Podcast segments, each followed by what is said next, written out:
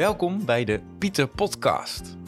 In deze podcast zullen we iedere aflevering mensen op het gebied van duurzaamheid en innovatie laten aanschuiven. Ik ben Juri, medeoprichter van Pieter Pot. Ehm, voor degenen die nog niet van Pieter Pot gehoord hebben, wij zijn de allereerste online supermarkt die verpakkingsvrij boodschappen bezorgt. Dat gaan we vanaf april in heel Nederland doen. Ehm, en onze missie is eigenlijk om verpakkingsvrij boodschappen de standaard te maken.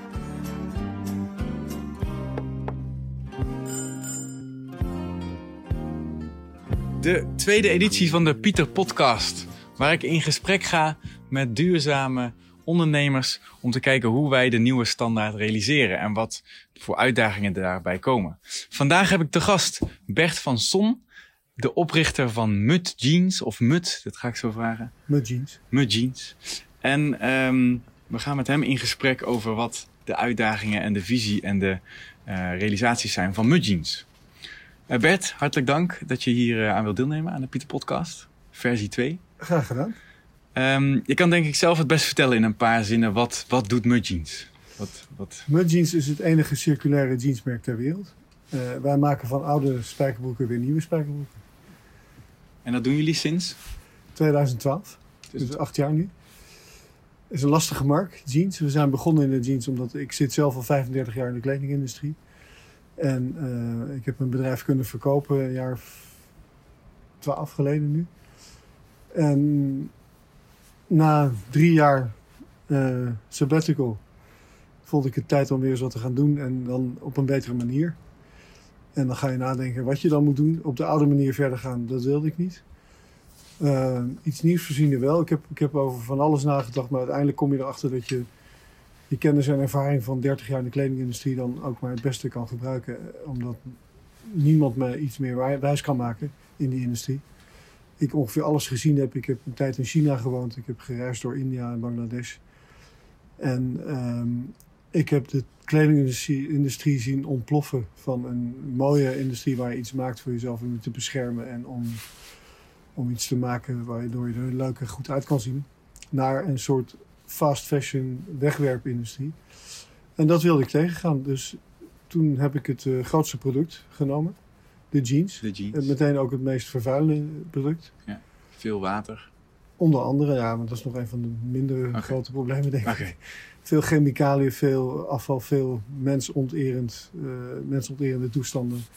Veel ver weg, veel. Uh, ja, ongeveer alles gaat fout in de, in de, in de jeansindustrie. Ja. Nou, als je daar dan het verschil kan maken en je kan iets beginnen wat, wat een uh, beweging in de gang zou kunnen zetten, dan is dat belangrijk, denk ik.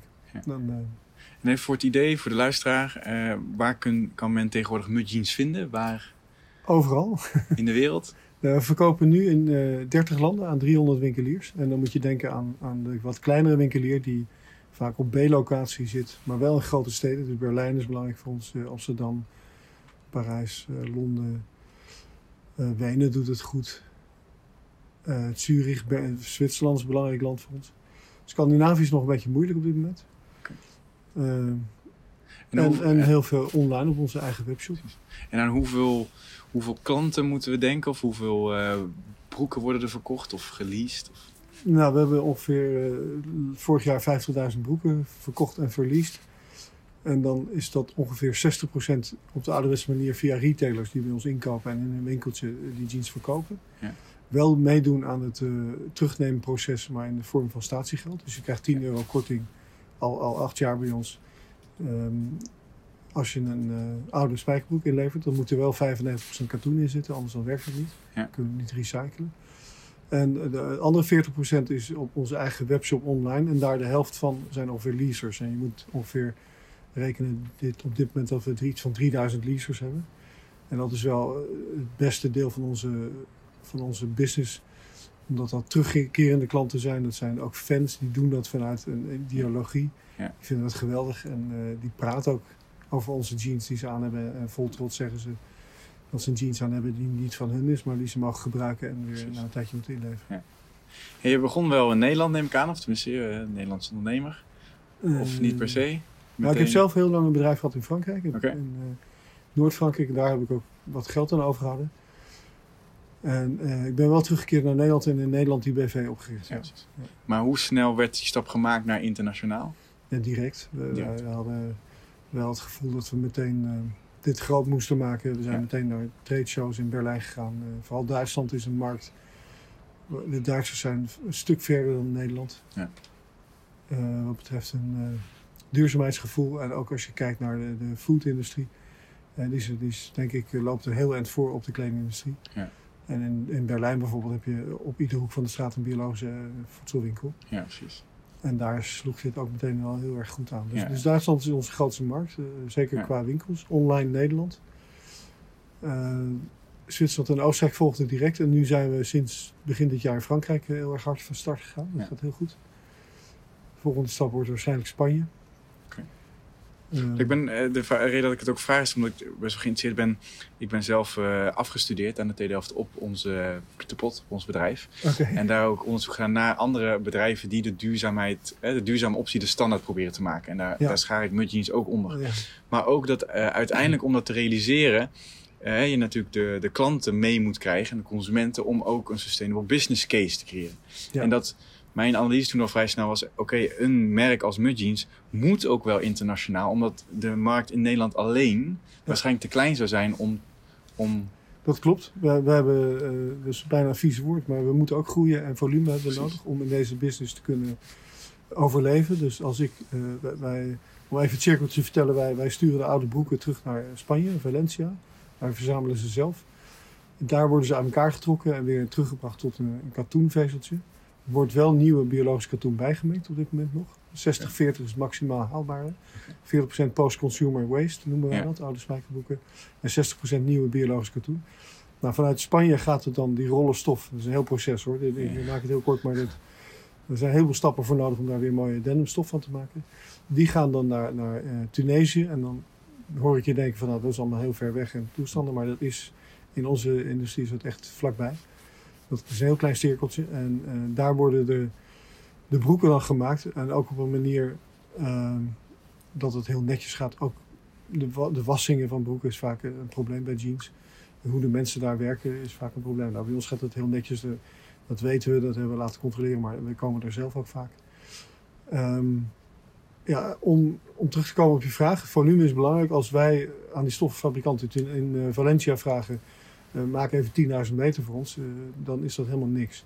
En dan doet hij dat met, met veel pijn en zuchten. Gebeurt het wel omdat hij ons zo'n leuk merkje vindt. Dus zo begonnen we.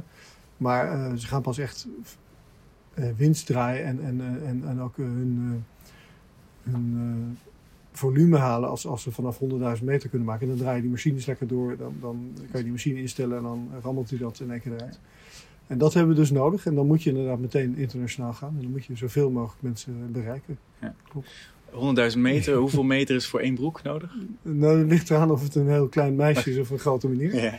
Maar je moet ongeveer rekenen. Het ligt ook aan de breedte van de stof. Je hebt stoffen die smaller gemaakt worden en breder. Dus dat is een hele intelligente gedachte over hoe dan je dat het beste kan inleggen, al die, al die, uh, al die uh, patronen. Uh, ongeveer anderhalve meter gemiddeld. Precies. We hebben ook nagedacht over maar hoe is het nou als je, als je eigenaar blijft van het product als producent en je laat de klant betalen voor de performance. Uh, en die gedachte is natuurlijk heel erg grappig en, en ook wel vernieuwend. Zeker in 2012. Toen kwam net ja. Uber op en, uh, en, Airbnb en dat was allemaal aan het gebeuren. En Peerby. Ja. En wij dachten van nou, die stroom moeten we ook iets verzinnen. En toen kwam uh, Lease Jeans tevoorschijn. Voor, we hebben bedacht dat klanten per maand betalen, een jaar lang.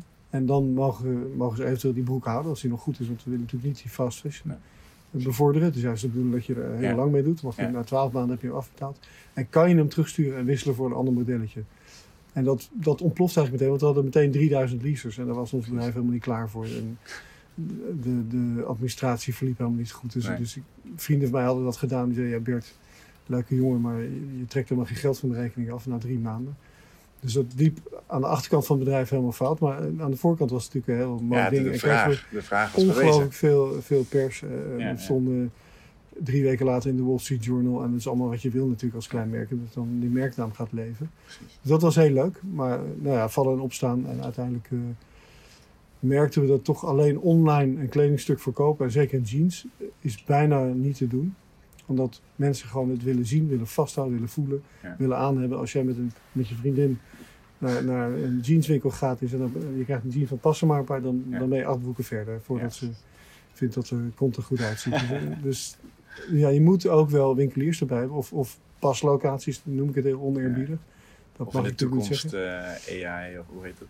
Eh, Ja, dat, zie ik ook nog niet gebeuren. Dat, we, we krijgen wel veel. Het leuke is wat we, wij doen, natuurlijk heel veel mensen ons kijken en, en eh, met ideeën aankomen. Dat is natuurlijk heel fijn. Zo zijn we bijvoorbeeld ook eh, op duurzame indigo. Het indigo is een blauwe verfstofje gekomen. Waarbij we in het begin echt nog die giftige indigo gebruikten. Maar nu is er een alternatief voor. En dat wordt ons dan aangereikt. Omdat wij natuurlijk daar bekend staan. En, eh, en dit als eerste ook wel best wel willen proberen. We zijn Ja. ook wel bereid om proefkonijn te zijn in heleboel precies. dingen. Dus eh, zo.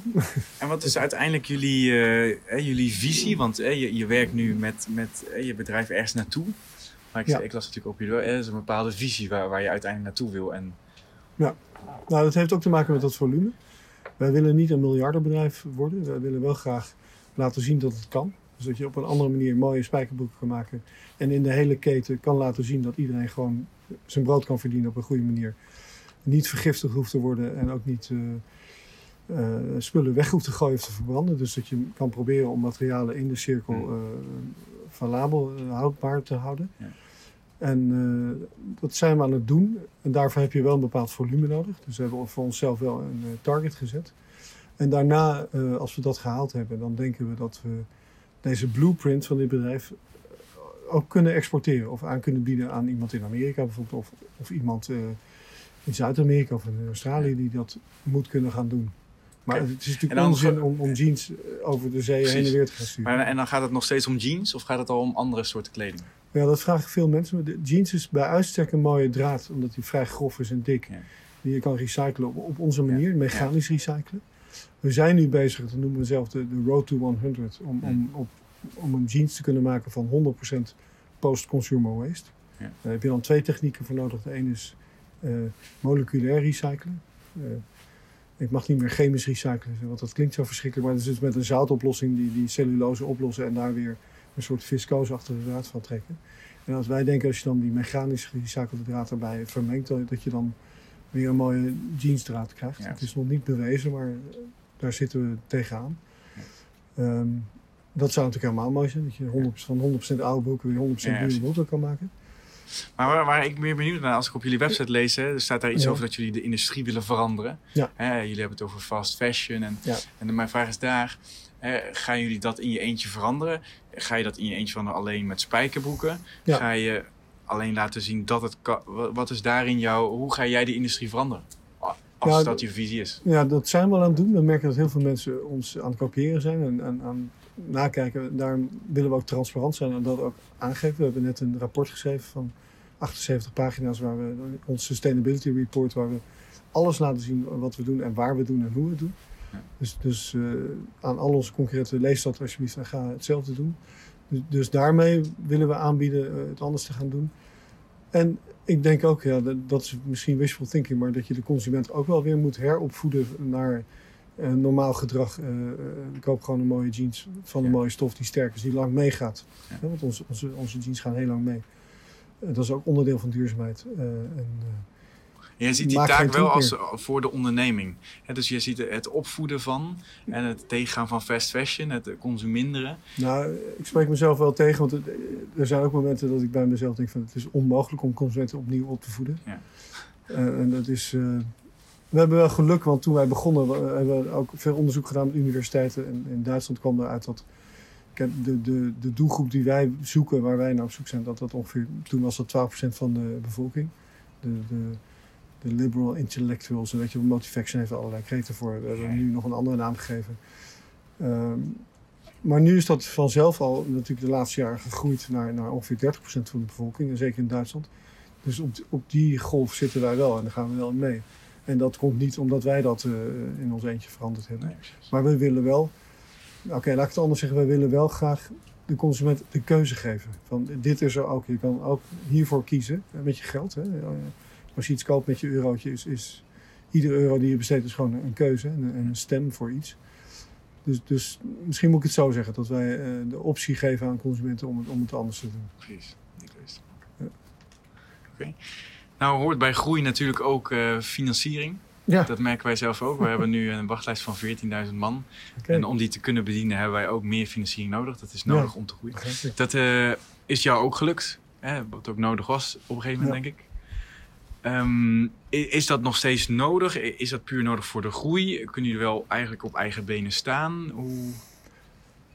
Ik had het geluk inderdaad in het begin dat ik, dat ik zelf uh, van het verkopen van een bedrijf wat, wat uh, voor me uit had. Dus ik heb mezelf een jaar of drie geen salaris hoeven te betalen, zeg maar.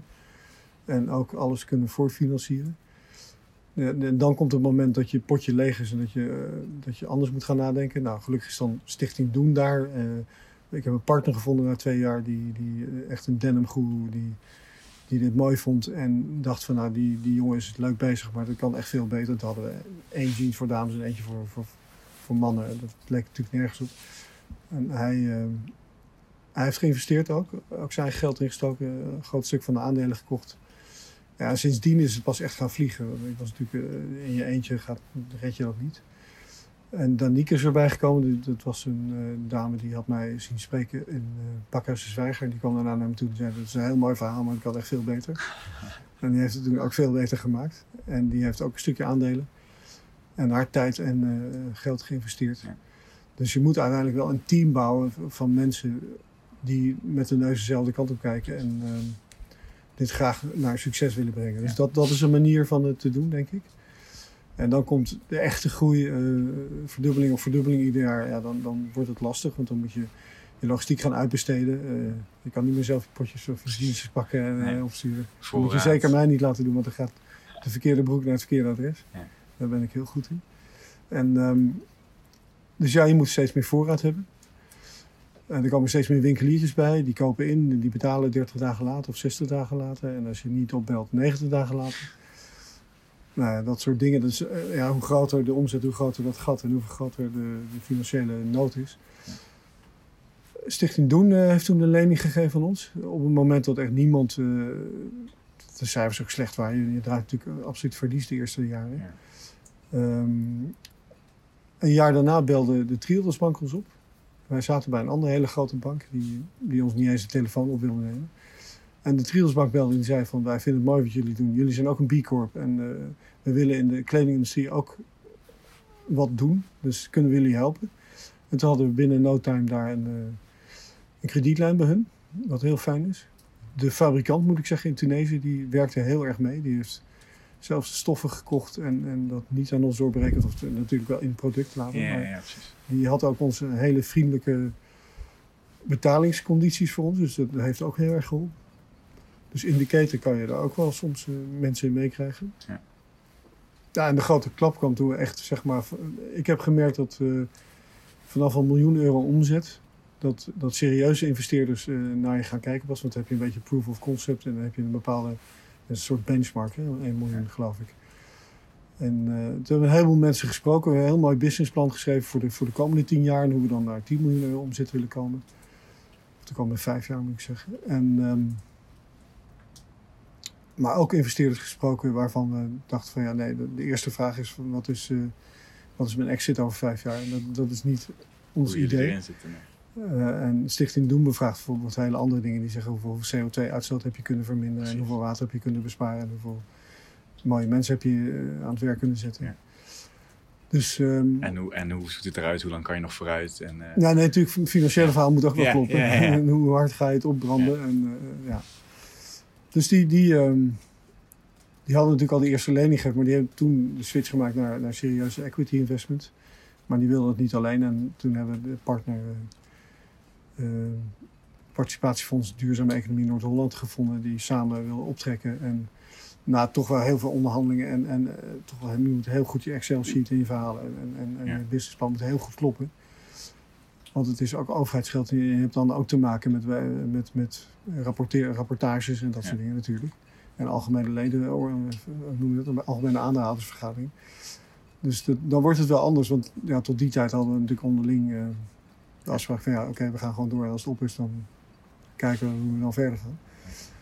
Dus uh, dat is wel verandering in je bedrijf. En dan Ja. moet je verantwoording afleggen. Ook, ook wel weer mooi. En hoe ziet dat er nu uit? Kun je voorlopig, kun je het nu aan? Of Ja, we hebben natuurlijk wel een tik gekregen ook met deze crisis. Ja. Omdat natuurlijk de, de hele verkoop naar de winkels is stil komen te vallen.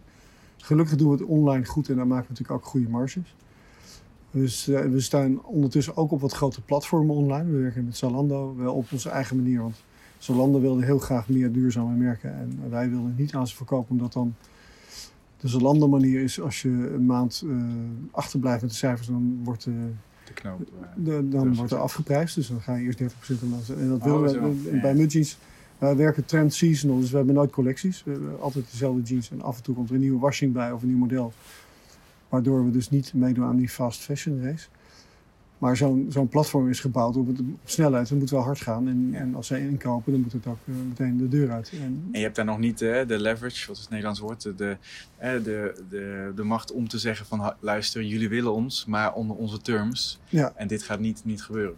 Nou, dat hadden we dus wel. We hebben daar drie jaar over gedaan. En, en drie keer gezegd van nee, dat willen wij niet. En toen kwamen ze met een voorstel waar eigenlijk alleen Nike en Adidas geloof ik op mogen werken. Dat heet Marketplace.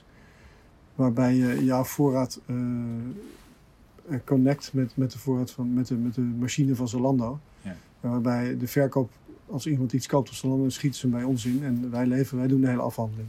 Oké.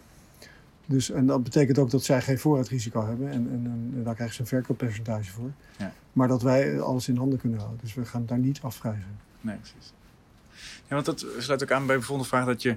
Hè, gaat het om dat jij zelf... Hè, je, enerzijds stel je zelf het voorbeeld... en als merk regel je jezelf die circulaire stroom. Ja. Ehm, en wil je dat ook blijven doen? Of hè, zou je uiteindelijk ook im- impact willen of kunnen maken... door juist met een H&M te samenwerken... Ja. en zorgen dat al hun spijkerbroeken, ik noem maar een merk... Hè, Mhm. eh, op jullie manier gemaakt worden? Eh, Ja, dat kan, maar dan, dan heb je alweer een heleboel problemen. Want dan, ze werken bijvoorbeeld niet met biologisch katoen, of een heel klein stukje maar. Eh, er zit veel te veel plastic in hun broeken. Nee, dus op dit Eh, moment dus- doen ze dat niet. Maar zou je, hè, is jouw visie, eh, vegetarische slager werkt met Ja. Unilever om een veel grotere Ja. consumentengroep te bereiken. En daarmee grotere impact. Dat zou kunnen. We, hebben nu eh, een eh, idee wat we gaan lanceren zeg maar, als onze post-corona eh, oplossing. Eh, en dat zou ook bij een eh, H&M kunnen of bij een CNA. eh, maar onze broeken kosten toch 119 euro. En een H&M broekje is, tussen de 3, 39 en 49. ja, Dus ja. het- en ik denk ook het publiek wat rondloopt bij H&M niet zo heel snel... Nee. nee, dus dan noem ik. H&M. Maar hè, noem een merk waar, eh, dus wat is een iets hoger segment? Ja, het is moeilijk, hè? Er zit niet zo heel veel tussen. Je hebt, je hebt de, de prijsvechters, en dat begint bij Primark Ja. en CNA en H&M en Zara. Ja. En dan is er eigenlijk niet zoveel. En dan, en dan heb je mooie broeken, dan, dan kom je bij, bij, bij Levi's. en die hebben weer een hele eigen...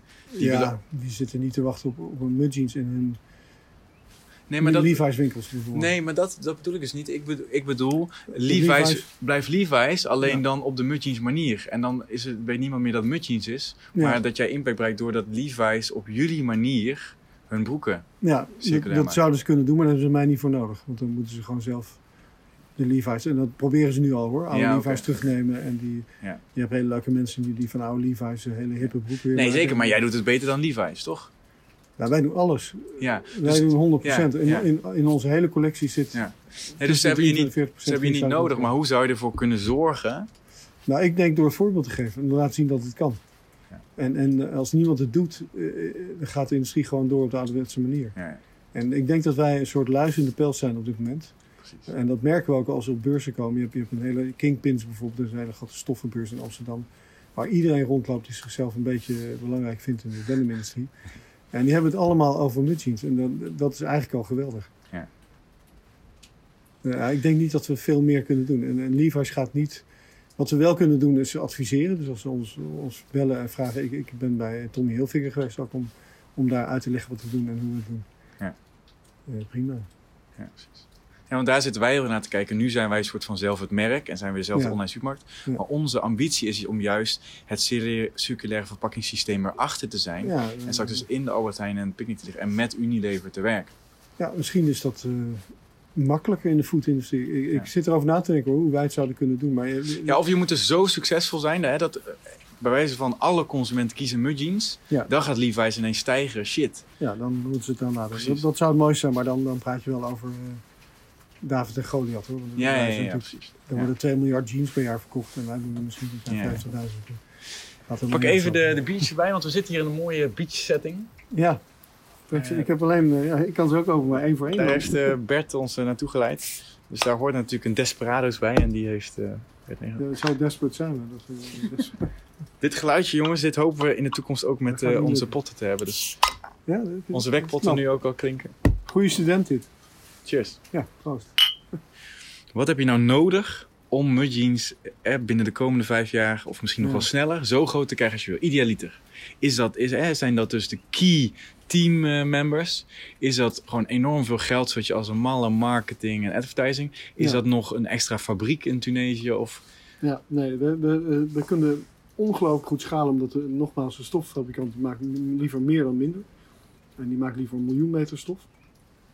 Eh, de fabriek in Tunesië, die man die kan ongeveer 150.000 broeken per maand maken, eh, is capaciteit. Dus die, die verwachten ook alleen maar meer van ons. We beginnen nu pas echt leuke series te maken waarvan die vanaf duizend stuks in één kleur en één model eh, kan doordraaien. Dus dat is, dat is lekker voor hem. Maar die heeft ook een paar jaar moeten afzien voordat hij eh, wat fijne orders kreeg van ons.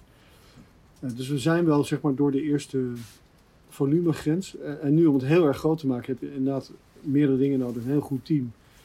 En ook heel veel geld. Ja. Dat kan niet anders. En ik ben niet een man eh, van eh, de reclames van een stoere meneer uit een vliegtuig stappen achter het 8 uur journaal. Dat, dat vinden wij niet de manier. maar ik moet heel eerlijk zeggen dat Richard Branson? niet- ja, ik heb eerlijk gezegd ook nog niet. Daar zijn we wel dagelijks naar op zoek. De manier gevonden om te zeggen van nou, nu hoort iedereen van mudjeans en, en, en knalt het uit elkaar. En er is een merk in Australië waar bijvoorbeeld Megan eh, een paar keer eh, gefotografeerd met hun merk jeans. En dat is ontploft. Dus misschien moet je dat doen, maar we zijn... eh, En dan de vraag, kun je dat aan? Want dat hebben we Ja. nu, lijken wij in Nederland, eh, we gaan heel goed in de media en iedereen. Ja. maar wij kunnen het nu eh, niet volgende week aan. Wij kunnen het volgende week aan. Precies. of wij nu, wij hebben onze broeken liggen bij een logistiek centrum helemaal gerobotiseerd. Of die nou eh, 50 pakketjes versturen van ons vandaag of 500, dat maakt niks uit. Nee. En we hebben alles nu zo geautomatiseerd. We zijn nog wel aan een nieuwe machine aan het bouwen, een nieuwe website. En, en het moet nog ietsje beter. Maar eh, nee, het schalen is voor ons eh, het allermakkelijkste. Maar Ja. ja. ja, hoe doe je dat? Ja, naamsbekendheid heeft ermee te maken. En iedereen moet... Ik spreek nog steeds heel veel mensen die nog nooit van Mutziens hebben gehoord. En dat snap ik ook wel. We, we hebben- ja, in het wereldje van de duurzaamheid zijn we misschien dan wel heel bekend. Maar Ja. eh, als je hier de straat uitloopt en je vraagt hoe kunt u Mutziens, dan Nee, grote kans dat hij zegt nee, nog nooit voor. En dat is wel uiteindelijk je doel. Hè? Dat is, eh, Ja. Wij onderscheiden altijd de eco-warriors. Hè? Die doen wel een extra beetje moeite voor duurzaamheid. Ja, En je hebt de eco-aware. En daar schaar ik mezelf eigenlijk onder. Ik wil wel duurzamer, maar Ja. het moet het moet wel makkelijk zijn. ja, en aantrekkelijk. En daarom heb ik groene energie. was één klikje op de website. Ik eet minder vlees. Vegetarisch sla gebruik ik veel. Maar ik ging niet naar verpakkingsvrije winkels. Nee. Maar daarom onze bezorgdienst. Als die net zo makkelijk is als Picnic of Albert Heijn. Dan. En eh, eh, probeer jij wel die doelgroep te bereiken? Ja, twee kanalen dus. Dan moet je en eh, online meer lawaai kunnen maken. En daar is ook geld voor nodig. Want dat is gewoon één op één eh, met hoeveel je erin stopt. eh, kan je berekenen hoeveel eruit komt. Ja. En twee is, ja, je moet ook meer zichtbaar zijn in winkels op mooie plekken. En dat gebeurt ook steeds vaker. We hebben nu net gisteren gehoord dat we in Frankrijk op een van de allermooiste plekken komen te liggen, Parijs. En op de allerbeste site eh, die, eh, van kleding, waar ook dure denim eh, wordt verkocht. Ja. Exception. Dus ja, dat, dat is nu aan het gebeuren. Ja. Maar het heeft wel met geld te maken. Je moet wel uh, lawaai kunnen maken. Dat willen wij toch op een iets alternatieve manier doen. Ik, heb, ik weet niet of je die tegenlicht uit, uitzending hebt gezien afgelopen zondag. Nee, nog niet. Nou, dat ging over reclamezaden en, en hoe vervelend dat eigenlijk is. Dat, dat je gebombardeerd wordt met Ja. dingen die je helemaal niet wil zien. Ja.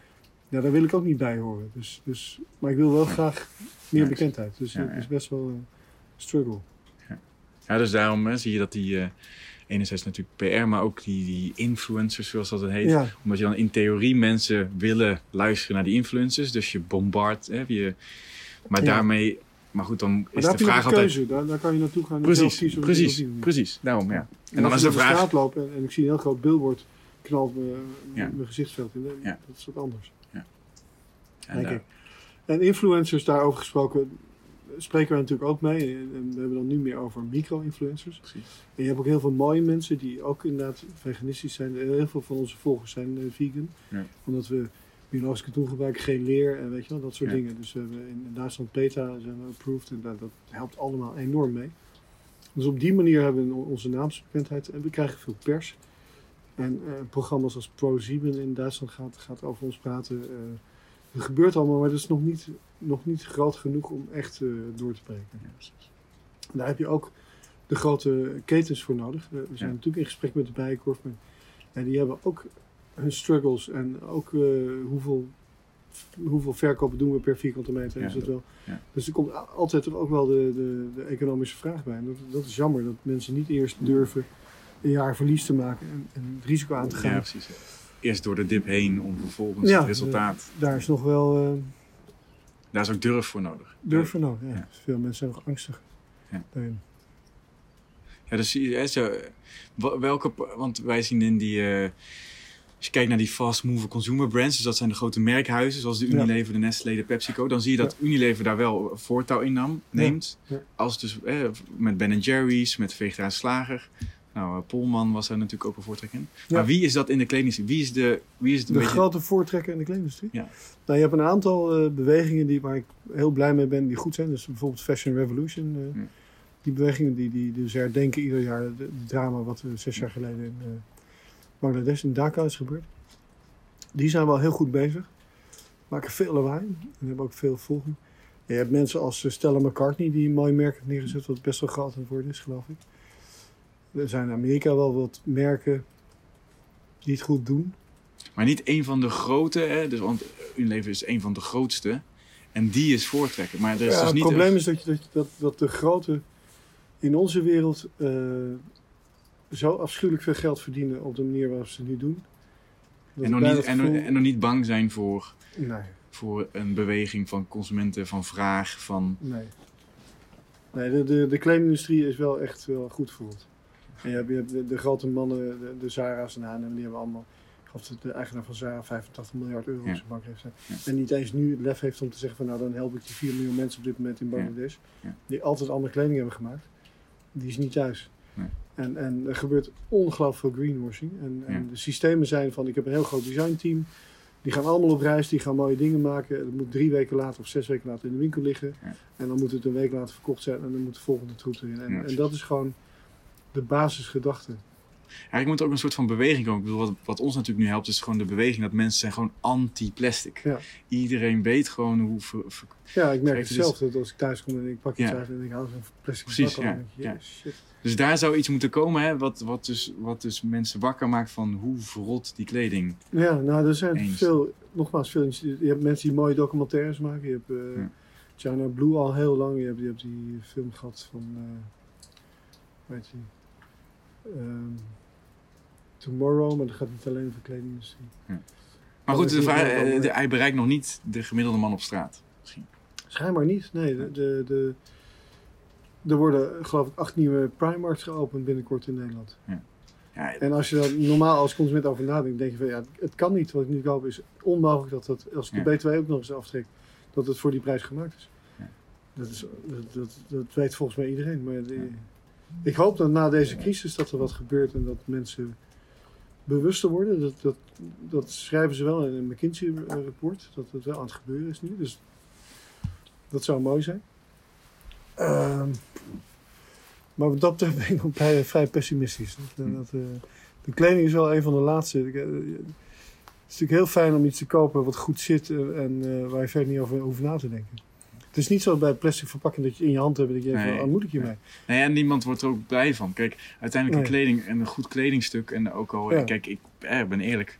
Ik heb eh, nu twee weken geleden mijn eerste mudjeans eh, besteld. Heel goed. En ehm, weet je wel, en ik probeer, nou goed, laat ik dus niet mooi maken. Ik koop Ja. nog steeds kleding. En het, maar het is ook van, weet je, je, bent, je voelt er goed in. Ja, En met plastic, ja, niemand wordt, oh, maar deze keer doe ik wel even plastic. Want deze keer vind ik het wel echt heel nice. Ja, ja. Dat is niet. Dat Dus is niet, nee, dus de- ik ben met je eens. En ik heb ook niet de oplossing voor, moet ik eerlijk zeggen. En ik ben daar natuurlijk ook, het is een enorme struggle voor ons om te kijken hoe, hoe moeten we dat nou doen. En, en eigenlijk moet je deze vraag stellen aan Danique, onze marketingmanager, die daar Hm. beter op kan antwoorden dan ik, denk ik. En daar ook wel de gedachte over heeft en heel hard mee aan het werk is. Maar het blijft gewoon moeilijk. We, we, we blijven gewoon nog steeds een klein merkje. Terwijl Ja, we zelf vinden dat we ongelooflijk hard aan de weg timmeren. We zijn B Corp, we, we schrijven sustainability reports. We doen podcasts, we, zijn- we komen af en toe op televisie. We staan met hele grote artikelen in, in, in de krant. Ja, ja. En daar zit je wel een mijn... beetje een opleving. Ja, natuurlijk. ja. Eh, Het helpt allemaal wel. Ja. En die keer een stapje meer. Maar eh, En daar zit dus mijn interesse zelf nog. En daar heb ik je natuurlijk ook voor benaderd. ja, Van, hè, dat je eh, in plaats van eh, als duurzaam bedrijf jezelf eh, bekend probeert te maken, ook samen. Nou, dat deels gebeurt dat natuurlijk al door B Corps en dat of, soort dingen. of met een hele grote samenwerking. Ja. Ja, precies. Maar een B Corp is weer iets wat mensen in het bedrijfsleven kennen, maar niet een gemiddelde consument. Klopt. Maar dat je nou, stel wij zouden investeren in een rec- reclame of nieuwe campagne, maar die niet alleen over Pieter Pot gaat, maar over de nieuwe standaard. En we nemen daar mudjeans in mee en vegetarische slagen, want we doen samen maken we die duurzame standaard. ja. Maar goed, daar. eh, Nou, dat probeert B Corp wel. Dat is dan weer het voordeel van B Corp. Dat Ja. je in dat warme bad zit van allemaal bedrijven die dezelfde eh, ideologie hebben. Ja. En we doen wel eens acties samen. Maar dan nog, we hebben met Hello Fresh wel eens gedaan. En dan eh, en de flyer van Mudjeans erbij. Of de, de Green Choice hebben we samengewerkt. We- Al, alle, alle abonnee- abonnees van, of de, klanten van Green Choice kregen Mm. dan bij verlenging een uh, Mudjeans cadeau. Mm. Of, of nieuwe klanten, weet je wel, dat soort dingen. Dat doen we allemaal. Maar nog steeds werkt het. En het is ook een moeilijk product. Hè? Mensen, vooral mannen, die hebben gewoon hun favoriete jeansmerk. Ja. En die zit perfect. Ja, ga die dan maar eens eh, vertellen dat het dan... eh, dat die kanker krijgt van de, van de lichtblauwe, van de, van de indigo die erin zit. Of de, Ja, ja, ja. dat is niet interessant. Nou, luister. Dus je moet ook nog eens een keer proberen het negatieve boodschap moet je op een positieve manier brengen. Ja. Dus we staan voor een heleboel lastige uitdagingen. En, en wij doen daar misschien, we hebben tot nu toe dat bedrijf heel erg neergezet van we willen alles goed doen. Biologisch katoen, geen chemicaliën. Dat is helemaal de- niemand die dat beter doet dan wij. Maar we hebben eigenlijk zijn we vergeten om heel erg hard te gaan roepen en te gaan verkopen. En eh, we, zijn, we zijn veel te mooi bezig. Maar aan de andere kant eh, maakt het ons nu wel sterk, omdat we heel geloofwaardig zijn daardoor. Ja. ja, nu is het tijd voor lawaai. Ja. Nu moeten we lawaai gaan maken. Laatste vraag dan over, jou, over jouzelf. Hè, hoe was of ben jij die eco-warrior, die dus eigenlijk altijd al, of de, wel de extra moed voor duurzaamheid, of die doelgroep die, je, hè, die het, voor wie het ook dus aantrekkelijk en makkelijk moet zijn? Nee, ik, ik ben het laatste. Ik moet wel. eh, ik loop ook nog steeds door de Albert Heijn en dan koop ik een, eh, een stukje Ja, vlees in, plastic. En, en ik eet ook minder vlees en Ja, ik pas ook op, maar ik ben nog niet eh, vegetariër. En, Maar goed, dan kan je, daar geloof ik in ieder geval in als de ondernemer dus ook, ook in zit. Dat je in ieder geval ook zelf kan relateren. Oké, hoe bereik ik mijzelf? Ja. Hoe zou ik mijzelf als gemiddelde man Ja. bereiken? Dus hoe maak ik mijn product zo aantrekkelijk dat het niet alleen duurzamer is, maar ook... eh, nou, dan moet die vooral goed passen, die spijkerbroek. Ja. Dat is heel belangrijk, ja. En, en ik probeer nu ook biologisch eh, katoen ondergoed te kopen. Of, eh, ik zie dat het best wel lastig is. Of overhemden, of ik draag een jasje van Patagonia, dat vind ik een geweldig merk. ja, ja. Maar daar kan je ook nog heel veel dingen op aanmerken. Ehm, het- is nog best moeilijk in de kledingindustrie om het helemaal goed te doen. Ja. Ik, ik kijk dan naar mezelf vooral naar kleding. Schoenen bijvoorbeeld. Nou, ja, het is toch wel fijn om mooie leren schoenen aan te hebben soms. Eh eh, eh, Veja's zijn prima, maar het kan ook nog wel beter, denk ik. Ja. Ehm, het is heel moeilijk. Ja. Daarom ben ik juist zo trots dat wij een jeans hebben kunnen maken waarvan we echt van kunnen zeggen: van, hier is helemaal niets mis mee. En als er iets mis mee is, dan hoor ik het graag en dan doen we het beter. En bijvoorbeeld, we leveren, maar dat zal je ook doen, eh, we- onze webshop in Nederland in 23 eh, steden ook eh, via fietscourier. Eh, Ja. Als dat beter kan, doen we dat ook. Of ja, de verpakking hebben we een tijd lang, nou, nu niet meer, maar ehm Repack gebruikt. Omdat we het mooi vonden met het retoursysteem. Nou, gaat nu even niet, omdat onze logistieke partner dat niet aan wil. Maar goed, daar vinden we ook wel weer een oplossing voor. Ja. Dus je kan oneindig lang doorgaan met het allemaal beter doen. Precies. Ja. Ja, en de vraag is daar altijd, hè, hoeveel concessies wil je niet maken of doe je wel Ja. om daarmee een grotere groep mensen te bereiken en dus meer impact? Of, Ja. hè, te kunnen, Nou, dan vind ik bijvoorbeeld de concessie al moeilijk. Van, wil ik een hele grote billboard eh, ergens? Precies. Nou, en dan zeg ik eigenlijk zelf al nee. Ja. Maar dan onthoud je jezelf wel de, kans van heel bekend te worden. Of, Maar goed, dat zijn interessante discussies om Ja, een beetje de, de, de volgende teammembers, denk ik ook. ja, nee, daar hebben we het ook over. We, spreken daarover. Zeker. Dankjewel, Bert Gasson, oprichter van eh Mud Jeans. Dankjewel, Juri. In de volgende podcast zal waarschijnlijk een van de oprichters van of van Peerbee of van uh, Seepje aan, uh, aanschuiven. Het doel van deze podcast is om de vraag te stellen aan de ondernemers achter deze duurzame merken, die je zelf misschien niet zomaar zou kunnen vragen, omdat je ze niet altijd op straat tegenkomt. Dus zijn er vragen die je zou willen stellen aan een van die oprichters, laat het ons dan weten. Dan neem ik die mee in de podcast. We zien jullie volgende keer.